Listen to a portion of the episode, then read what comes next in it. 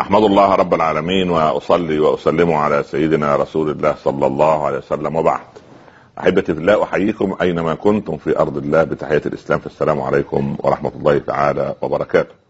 يقول رب العباد سبحانه وتعالى سأصرف عن آياتي الذين يتكبرون في الأرض بغير الحق. الله سبحانه وتعالى هؤلاء الذين يدعون لأنفسهم ما ليس لهم لأن الله سبحانه وتعالى يطبع على كل قلب متكبر جبار. كيف يطبع؟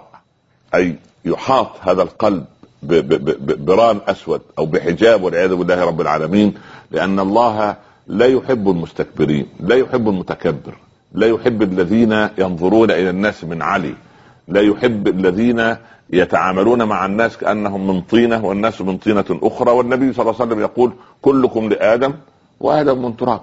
كلكم لآدم وآدم من تراب. لا فضل لعربي على أعجمي إلا بالتقوى والعمل الصالح. فما الذي يجعل الناس أو بعض من الناس يتكبرون على بعض الناس؟ ليه؟ مع أن الكبرياء كما يقول الله في الحديث القدسي الكبرياء ردائي والعظمة إزاري.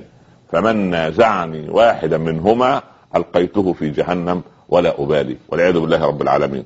إلا مسألة الكبر يعني مسألة الكبر هذه مسألة إنما هي تخص ال- ال- ال- ال- الكبير المتعال سبحانه وتعالى. أما نحن فللاسف شيء تجد بعض الناس مثلا واحد يتكبر بأتباعه وأشياعه واحد يتكبر بماله واحد يتكبر سبحان الله بعزوته وقبيلته واحد يتكبر بما عنده من علم.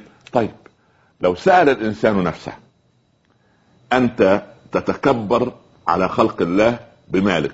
من الذي رزقك المال؟ أنت نزلت من بطن أمك عريانا تبكي لا يعني تصرخ لا لا, لا تملك من حطام الدنيا شيء.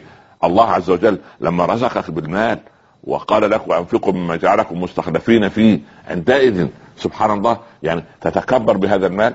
عندما يرزقك بثوب جميل وتتبختر أمام الناس أو بسيارة أو بغير ذلك يعني إن الله يعني لا ينظر إلى رجل يجر إزاره بطرا يعني كبرا وتكبرا على الناس. ليست القضية جر الإزار إنما القضية ما في داخل القلب. والعياذ بالله رب العالمين لا يدخل الجنة من كان في قلبه مثقال ذرة من كبر مثقال ذرة. سبحان الله يعني الله سبحانه وتعالى يعني يعني إذا نظر إلى قلب العبد ورأى ذرة كبر واحدة والعياذ بالله رب العالمين سبحان الله وقال رجل يا رسول الله إن الرجل يحب أن يكون ثوبه حسنا ونعله حسنا فقال إن الله جميل يحب الجمال إنما الكبر بطر الحق وغمط الناس. بطر الحق يعني إنكار الاستنكاف من من قبول الحق وأن ينظر إلى الناس بعين الإزدراء. وبعين الترفع نتيجة أنه من عائلة أنه من من أسرة معينة وهذا لا يساوي شيء مع أن كل الناس سواسية أمام رب الناس سبحانه وتعالى. طيب إيه اللي يجعل الناس يتكبرون؟ لماذا يتكبر الخلق أو بعض من الخلق على بعض من الخلق؟ اولا إذا كانت الخمر أم الكبائر فالكبر أبوها. الكبر مصيبته أنه أول ذنب عصي به رب العباد سبحانه وتعالى.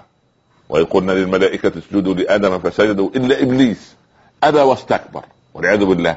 فلما أبى واستكبر فكان أول ذنب يعصى به رب العباد هذه المصيبة الكبيرة.